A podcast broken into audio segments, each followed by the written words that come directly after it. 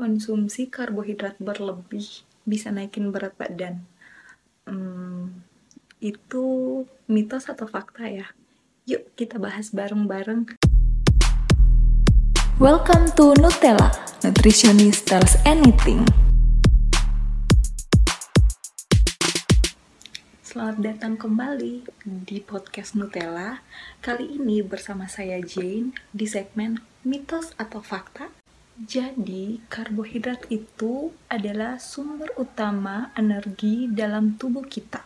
Tubuh kita mendapatkan energi dari protein, karbohidrat, dan juga lemak yang terkandung di dalam makanan yang kita konsumsi setiap hari.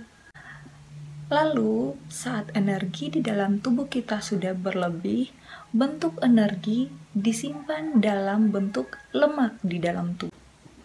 Perubahan berat badan di dalam tubuh kita merupakan salah satu indikator kecukupan atau kekurangannya energi terkait digunakan atau tidak digunakannya energi di dalam tubuh kita. Misalnya nih, kita tidak menggunakan energi dengan cukup beraktivitas sehingga energi di dalam tubuh kita jadi menumpuk jadi, mitos atau fakta nih, karbohidrat bisa menaikin berat badan kita. Faktanya, konsumsi karbohidrat berlebih dapat menaikkan jumlah energi cadangan di dalam tubuh kita yang tersimpan dalam bentuk lemak.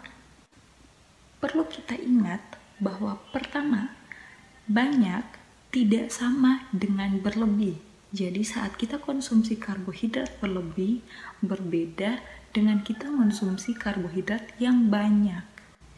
Lalu, yang kedua, tidak hanya karbohidrat, tetapi protein dan juga lemak saat kita konsumsi berlebih dapat menaikkan jumlah cadangan energi di dalam tubuh kita.